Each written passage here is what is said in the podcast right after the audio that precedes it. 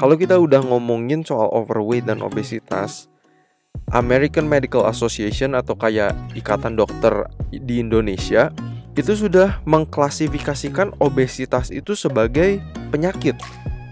Saya mau mention dua penelitian ini dengan tujuan kita tahu gen itu punya pengaruh, tapi gen is not everything. Bukan kayak kalau misalnya kita udah punya gen ya yang cenderung lebih gemuk, itu adalah akhir dari segalanya. Kita bisa melakukan sesuatu untuk mengganti atau merubah environment kita.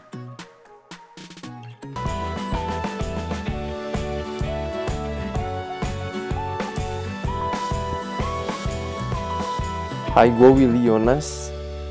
Selamat datang di podcast Sehat Seutuhnya. Halo semuanya, selamat datang di podcast Sehat Seutuhnya bersama saya Willy Yonas.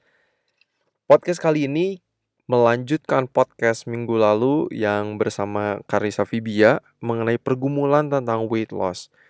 Podcast minggu ini kita akan ngelanjutin ngomongin soal weight loss juga. Bahasa Indonesia-nya itu penurunan berat badan ya.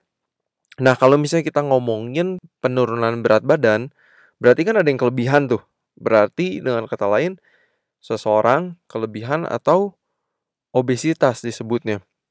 Nah, kalau kita udah ngomongin soal overweight dan obesitas, American Medical Association atau kayak Ikatan Dokter di Indonesia itu sudah mengklasifikasikan obesitas itu sebagai penyakit. Jadi emang kadang kita melihat orang yang misalnya kelebihan berat badan atau udah termasuk obesitas kayak fine-fine aja, mereka masih bisa beraktivitas, ya masih bisa kerja. Mereka mungkin belum merasakan sesuatu, tapi sebenarnya obesitas itu sudah diklasifikasikan sebagai sebuah penyakit. Dan apa alasannya sih kenapa kita mau ngomongin soal penurunan berat badan? Karena kalau ngeliat dari riset kesehatan dasar Indonesia, dibandingkan dari 2013 dan 2018, tingkat kelebihan berat badan dan obesitas di Indonesia itu terus meningkat. Dan masalahnya, obesitas atau kelebihan berat badan ini pun sangat-sangat berkaitan dengan penyakit-penyakit kayak penyakit jantung, stroke, hipertensi, diabetes tipe 2, atau yang disebut juga campuran eh, macam-macam itu juga suka disebut sama metabolic syndrome. Ketika kolesterolnya juga tinggi, LDL-nya tinggi, hipertensi juga iya, udah ada resistensi insulin. Itu yang disebut metabolic syndrome. Dan kelebihan berat badan ini, obesitas ini emang bisa jadi nyebar ke mana-mana. Ya bisa kesakit lutut, udah gitu kerasa tidak percaya diri yang jadi muncul. Banyak banget sebenarnya efeknya. Makanya kenapa kita mau tackle topik weight loss tentang penurunan berat badan. Semoga ini menjadi berguna. Kita bakal bagi beberapa part karena soal obesitas ini sebenarnya itu cukup luas dan sebenarnya penelitian-penelitian juga masih ongoing terus gitu ya. Tadi juga saya search nih di PubMed yaitu website uh, kayak website uh, library online tentang penelitian gitu ya. Kalau saya search obesity atau obesitas bahasa Indonesia-nya itu ada sekitar 358 ribu papers yang udah dipublikasikan kalau ketik overweight ada 242 ribu. Kalau soal weight loss itu ada 141 ribu. Jadi banyak banget sebenarnya penelitian yang ada di luar sana. Saya bakal mention beberapa penelitian yang menurut saya itu kayak groundbreaking ya, kayak membuka wawasan sekali. Jadi ini yang bakal kita bahas dan semoga ini menjadi berkat. Yang pertama mau kita bahas adalah seseorang yang kelebihan berat badan atau obesitas itu tuh salah gen atau salah lifestyle kita. Ya, saya di sini mau mention ada penelitian yang menurut saya itu memberikan insight yang banyak ya. Jadi ada dua penelitian yang saya mau mention tapi yang pertama nih, mereka itu meneliti orang-orang yang kembar identik.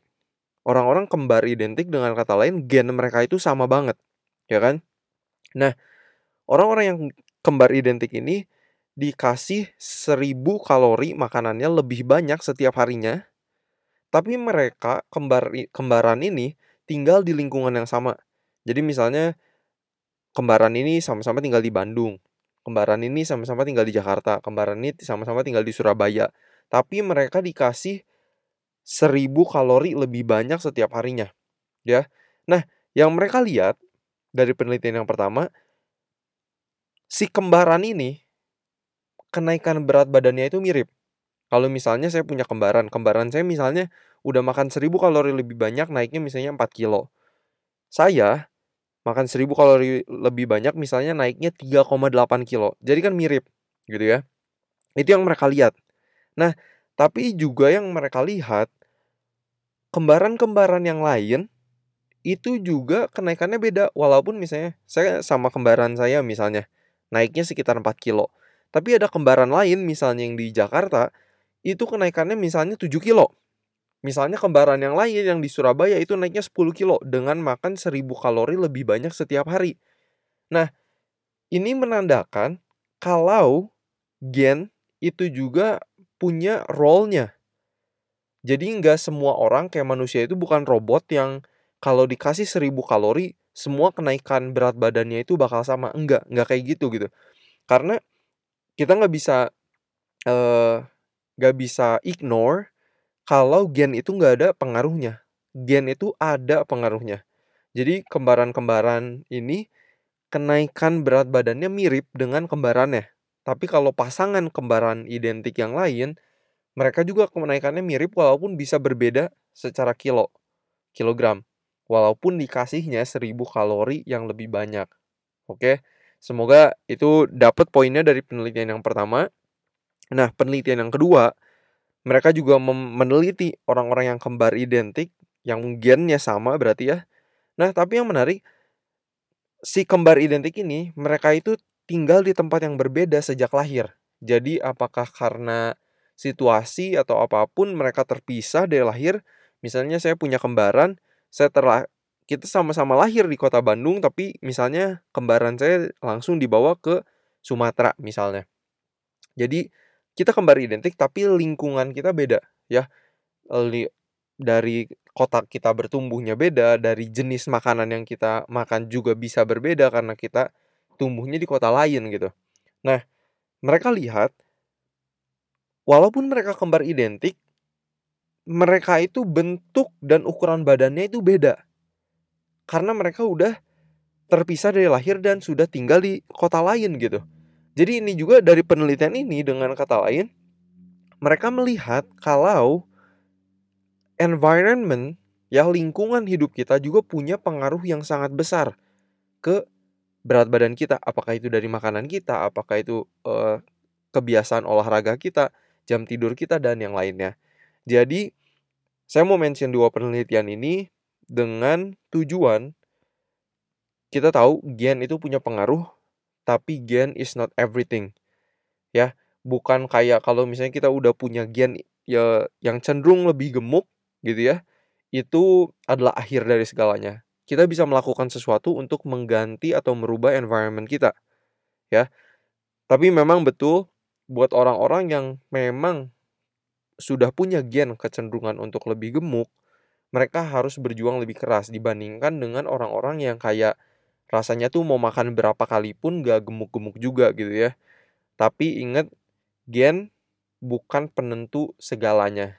Kita bisa change environment kita dari pola makan kita, dari olahraga kita, dari jam tidur kita ke berat badan kita itu bakal pengaruh banget. Jadi itu bagian pertama tuh yang mau saya mention peran genetik ada, tapi peran environment pun ada dan itulah yang bisa kita uh, ubah. Karena gen kan kita nggak bisa ubah gitu ya. Emang gennya dari sananya udah kayak gitu ya udah. Tapi yang mau kita bahas juga gimana nih cara ganti environmentnya di serian tentang weight loss ini? Nah hal selanjutnya yang saya mau mention itu pertanyaan ini. Apakah kalau misalnya kita udah gemuk dari kecil ya cabi emang dari pas kecilnya akan lebih susah buat kita untuk turun berat badan ketika kita sudah dewasa. Ini ada penelitian yang sangat-sangat menarik sih. Ini ditu udah ditulis juga sama National Institute of Health di Amerika di tahun 2008. Penelitiannya sebenarnya dari Swedia. Tapi ini yang mereka lihat itu ini. Jumlah sel lemak kita dari kita kecil dan teenager itu jumlahnya akan cenderung sama ketika kita dewasa. Apa artinya kalau misalnya pas kita kecil jumlah sel lemaknya emang udah banyak, misalnya ada 100 contoh ya.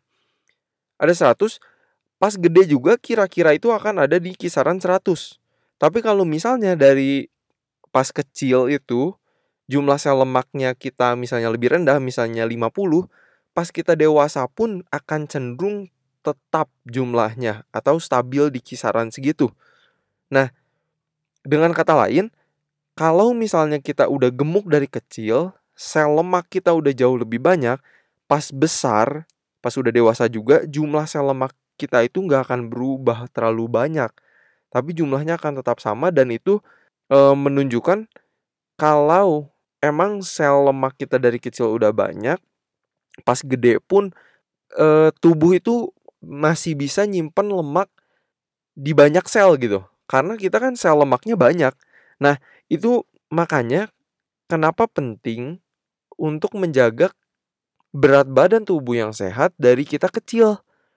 Jadi kadang kalau saya ngelihat gitu kayak culture paling enggak di Indonesia atau enggak di lingkungan saya deh saya nggak bisa ngomong juga untuk seluruh Indonesia gitu ya kalau ngelihat anak itu cabi uh, orang tua tuh seneng gitu kayak waduh lucu banget gitu ya. Maksudnya oh berarti orang tuanya makmur misalnya gitu ya. Kan suka ada pemikiran pemikiran-pemikiran seperti itu juga gitu ya. Sedangkan kayak anak yang langsing uh, pemikirannya tuh kayak wah ini anak kurang makan gitu ya. Tapi sebenarnya sekali lagi kalau misalnya an seseorang anak udah gemuk dari kecil jumlah sel lemaknya sudah lebih banyak itu akan dikip terus jumlahnya pada kisaran yang sama sehingga mereka dewasa juga. Jadi sebenarnya kalau kita ngelihat anak kecil yang gemuk sebenarnya kasihan, bukan lucu gitu. Ya. Dan ini dicatat juga di dalam penelitiannya ketika kita masih anak-anak dan remaja di situlah jumlah sel lemak itu bisa terus bertambah. Tapi kalau kita udah gede, misalnya kita tambah gemuk, jumlah sel lemaknya itu nggak bertambah tapi si sel lemak itu sendiri yang volumenya jadi membesar. Ini yang penelitian itu temukan di uh, Swedia dan ini menarik sekali kalau menurut saya jadi jumlah sel lemak dari kita kecil dan remaja akan cenderung stabil sampai kita tua. Jadi takeaway-nya dari penelitian ini sebenarnya kalau nanti someday uh, yang lagi dengar podcast ini kalian punya anak atau misalnya um, ya kalian punya anak gitu ya uh, sebenarnya perlu banget sih untuk aware, uh, menjaga kesehatan anak dari dini, gitu. Itu itu penting banget penting banget dan kalau nggak kasihan di kemudian hari gitu kalau nggak, itu yang itu yang concern yang kita punya. Nah, kalau kita lagi ngomongin soal lemak nih ya, lemak itu kan kalau dipikir-pikir kayak apa ya, ya kayak minyak sih ya, kayak titik-titik kuning gitu. Um, sebenarnya kalau kita ngomongin soal lemak, apakah lemak itu cuman kayak stay di situ aja gitu di bawah kulit kita, misalnya di perut kita, di paha kita. Tapi sebenarnya ternyata ini menarik sih. Lemak itu bisa dibilang juga kayak pabrik.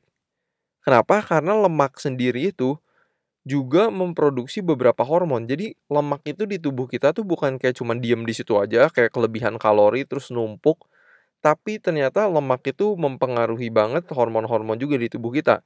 Contohnya hormon leptin ya, itu yang mengontrol tingkat lapar atau tidaknya kita juga.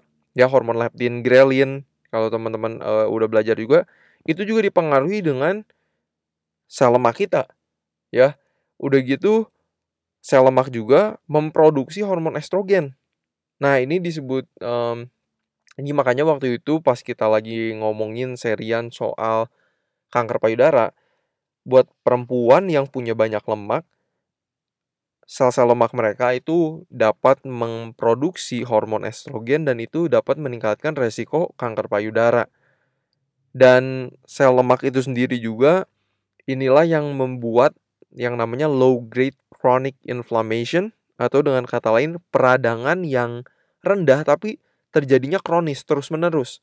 Dan inilah yang sangat nyambung banget sama hipertensi ya, sakit jantung, diabetes tipe 2 juga, stroke, dan yang lainnya. Jadi sel lemak di situ tuh, kayak sel lemak yang ada di tubuh kita, itu tuh bukan cuman kayak cuman diem di situ aja, tapi mereka tuh it it does something in our body gitu. Yang pastinya salah satunya adalah merusak. Nah, bukan berarti ya, bukan berarti kita itu nggak butuh lemak tubuh sama sekali, nggak nggak nggak kayak gitu gitu ya. Lemak tubuh itu penting, itu jadi bantalan juga buat tubuh kita. Udah gitu, eee, lemak tubuh juga bisa melindungi kita dari cuaca yang lebih dingin, jadi itu membantu menghangatkan tubuh. Jadi emang lemak tubuh itu penting, tapi yang kelebihan itu yang jadi masalah, gitu ya. Jadi sekali lagi saya mau tekanin, punya lemak tubuh itu penting banget. Jadi jangan kayak, "Oh, lemak tubuh itu jahat banget," gitu ya. Tapi tapi yang masalah itu adalah ketika lemak tubuhnya kelebihan. Itu yang jadi concerning. Nah, kalau lagi ngomongin weight loss, biasanya orang tuh nggak sabar juga gitu pengen nurunin berat badannya tuh cepet banget gitu ya. Misalnya, aduh pengen turun 10 kilo, rasanya tuh kayak, oh ya dalam satu minggu, dua minggu pengen udah hilang gitu 10 kilonya. Nah, ini yang sebenarnya unrealistic goal. Kenapa? Karena kalau misalnya menurut science, penurunan berat badan yang aman dan sehat itu sekitar setengah sampai satu kilogram per minggu. Jadi kalau misalnya orang-orang yang punya unrealistic goal kayak misalnya 5 kilo satu minggu, 10 kilo dalam tiga minggu, satu bulan, itu cukup unrealistic. Nah, kalau misalnya kita punya goal-goal yang unrealistic ini, ini apa masalahnya? Ini yang bisa jadi ngefek ke psikologi kita. Karena, oh ya kita punya unrealistic goal nih. Oh ya 5 kilo dalam satu minggu gitu ya. Tapi udah gitu gagal. Biasanya kita kecewa, udah gitu, ah udah. Misalnya ini mah programnya nggak akan jalan, saya udah jaga makanan, saya udah mulai olahraga dalam satu minggu, dua minggu ini. Ah nggak nggak jalan, saya nggak turun kiloan gitu ya. Ingat teman-teman, penurunan berat badan yang realistis yang disarankan, yang sehat dan aman itu sekitar setengah sampai satu kilogram per minggu ya. Dan kalau misalnya teman-teman juga ingat gitu ya, kenaikan berat badan itu nggak terjadi secara sekejap gitu. Saya dulu juga ada temen yang dulunya langsing banget, dikit-dikit gitu, makin rajin makan, maksudnya seni sering eh, apa ya jajan sana sini, apalagi ya Bandung bisa dibilang kayak kota kuliner gitu ya. Pokoknya makan di restoran di mana-mana terus. Sekarang akhirnya gemuk gitu kan. Eh, dan itu tuh proses bertahun-tahun dari SMA masih langsing udah gitu lama-lama kuliah dan lain-lain proses paling enggak itu empat tahun lebih gitu dan kayaknya nggak realistis aja kalau misalnya sesuatu yang berat badan ini yang naik dikit-dikit dikit-dikit selama empat tahun lebih kita pengen ngilanginnya itu kayak dalam satu bulan gitu jadi sekali lagi teman-teman penting banget untuk punya goal yang realistis setengah sampai satu kilo per minggu Oke, sekarang kita mau tes nih buat diri sendiri ya. Apakah saya itu kelebihan berat badan atau tidak? Ini ada satu tes yang namanya uh, in IMT kalau di bahasa Indonesia indeks massa tubuh, kalau di bahasa Inggris itu body mass index. Ini cara ngitungnya adalah berat badan kita dalam kilogram dibagi tinggi badan kita dalam meter persegi. Ya, jadi kalau misalnya kayak saya berat badan misalnya 65 kilo, tingginya misalnya 170 misalnya. Jadi 170 cm ya. Jadi 1,7 persegi ya 1,7 kali 1,7 dapat angkanya berapa udah gitu berat badan saya dibagi sama hasil itu. Nanti keluar hasilnya berapa gitu ya. Nah kalau hasilnya di bawah 18,5 ke bawah itu underweight dihitungnya. Ya jadi kurang berat badan. Tapi udah gitu kalau misalnya 18,5 sampai 25 itu normal Nah, kalau misalnya 25 sampai 27, nah ini batasnya di Indonesia sampai 27 itu udah overweight. Dari 27 ke atas itu hasilnya udah obesitas. Nah, kalau di Amerika batasnya itu dari 18,5 udah gitu ke 25 ya ke 24,9 kalau mau exactnya dari 25 sampai 29,9 itu overweight. Nah, kalau 30 ke atas itu baru obesitas. Itu perhitungan di Amerika.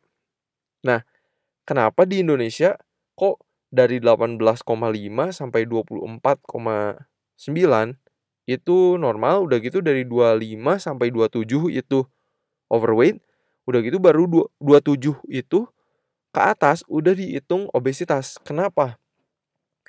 Setelah dites ya, orang Indonesia itu e, cenderung atau orang Asia secara umum ya, kita itu cenderung langsing tapi sebenarnya kita punya banyak lemak. Ini penelitiannya membandingkan orang Indonesia dengan orang bule Belanda, Caucasian Dutch. Nah, yang menarik mereka ini cari orang-orang yang berat badannya sama, tinggi badannya sama, umurnya sama, jenis kelaminnya sama. Ya. Mau cowok mau cewek. Yang menarik orang Indonesia itu punya 4,8% lemak yang lebih dibandingkan dengan orang-orang bule Belanda. Makanya kenapa standarnya itu berbeda. 27 ke atas kalau di Indonesia itu udah dihitung obesitas. Kalau di orang Amerika, orang Eropa itu dihitungnya baru 30 ke atas. Jadi buat teman-teman saya encourage banget untuk hitung uh, eh, IMT-nya, indeks massa tubuh atau BMI-nya, body mass index-nya. Boleh tinggal di Google, banyak banget kalkulatornya online, tinggal masukin aja berat badannya dalam kilogram dan juga tinggi badannya dalam sentimeter atau meter. Mereka bakal kalkulasi sendiri, hitung deh body mass indexnya berapa, IMT-nya berapa. Nah, tadi ngomongin juga orang Asia itu cenderung e, langsing tapi punya banyak lemak, itu juga disebut sama normal weight obesity syndrome. Ya, kita e, terlihatnya dan kalau menurut e, apa namanya skill timbangan itu normal berat badannya, tapi lemaknya ternyata banyak. Nah, kalau teman-teman mau sebenarnya tahu lebih detail apakah saya ini orang-orang yang normal weight obesity gitu ya. Orang normal tapi yang sebenarnya banyak lemak. Uh, sebenarnya ada tes-tesnya. Saya waktu itu sendiri pas di Amerika pernah dites. Alatnya ini sebenarnya mahal banget sih. Namanya DEXA scan. Kita itu di-scan di seluruh tubuh dan kelihatan lemaknya berapa persen dan banyaknya di daerah mana.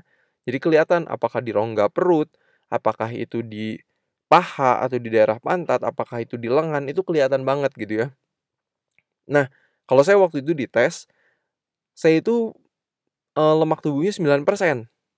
Ya, saya 9%, sedangkan waktu itu juga yang menarik ada mentor saya dokter, langsing kayak saya, tukang olahraga juga, tapi persenan lemak tubuh dia 15%. Padahal kalau dari luar kayak kita kelihatannya mirip-mirip aja gitu dari secara uh, fisik gitu kalau dilihat pakai mata gitu. Tapi bisa beda. Saya 9% lemak tubuhnya mentor saya dokter itu uh, eh, 15% gitu kan. Jadi itu cukup menarik sih. Kalau mau tahu lebih detail uh, bisa cek sih ada beberapa rumah sakit juga cari-cari infonya apakah dia di kota teman-teman yang biasanya punya alat scan tubuh. Jadi benar-benar bisa kelihatan lemak itu di mana dan berapa persen. Di gym-gym kadang ada juga ya timbangan-timbangan yang kayak merek Tanita dan lain-lain bisa tes juga itu lemak tubuhnya segimana. Tapi kalau mau detail banget itu harus alat yang kayak di rumah sakit. Itu baru detail banget gitu pengecekannya. Oh iya, nama lain dari normal weight obesity syndrome itu ada juga yang nyebutnya itu TOFI, thin outside, fat inside. Ya, jadi kurus dari luar kelihatannya langsing tapi sebenarnya banyak lemaknya di dalam. Jadi uh, podcast ini juga sebenarnya berlaku banget buat teman-teman yang langsing gitu. Langsing belum tentu sehat karena kalau banyak lemaknya sama aja. Itu bisa menaikkan resiko kita ya kena penyakit jantung, uh, hipertensi, diabetes tipe 2 dan yang lainnya. Jadi ingat langsing belum tentu sehat. Yang terakhir yang mau saya sharing di podcast kali ini adalah mengenai tipe obesitas. Jadi kalau melihat orang yang overweight atau yang gemuk, kan bentuk badannya semua nggak sama tuh. E, sebenarnya banyak juga klasifikasi lainnya, tapi yang paling umum sih sering dibilangnya apakah bentuk badannya itu kayak apel atau kayak buah pir.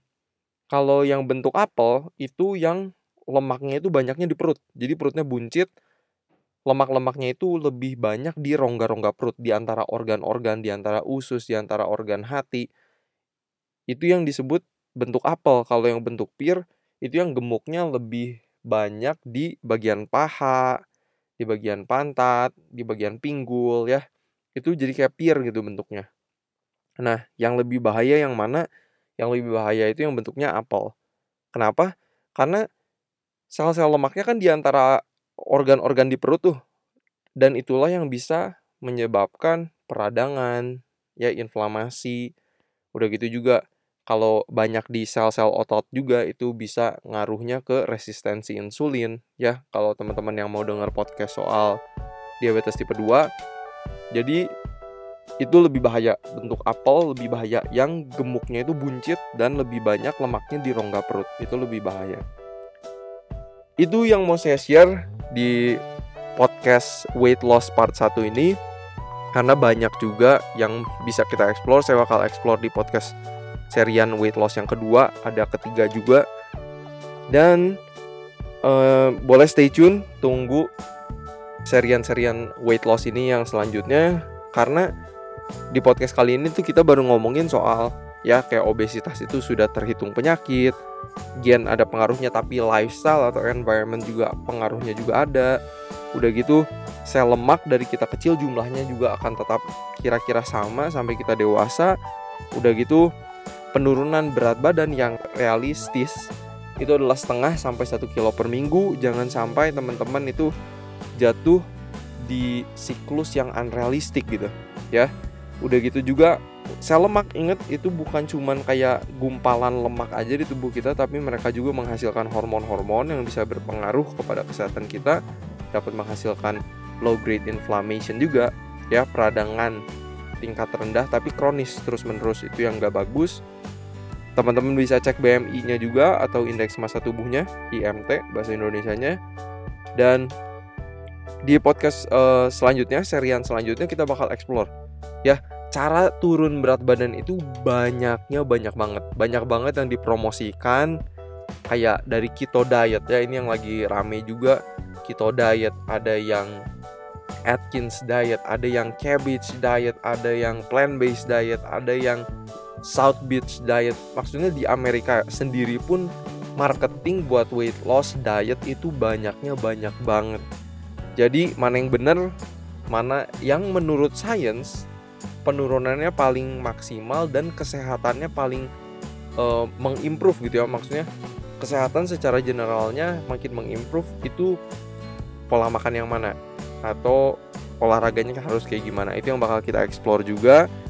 Tunggu uh, episode selanjutnya. Semoga ini menjadi berkat. Dan please rate our podcast ya di Apple Podcast. Kalau yang dengerinnya dari Apple kalau yang di Spotify boleh di share di Instagram story-nya kita senang banget juga kalau ada feedback-feedback, uh, ada komen-komen. Semoga ini bisa terus menjadi berkat buat banyak orang. Boleh di follow Instagram kita juga @setuhnya dan Instagram saya @willionas.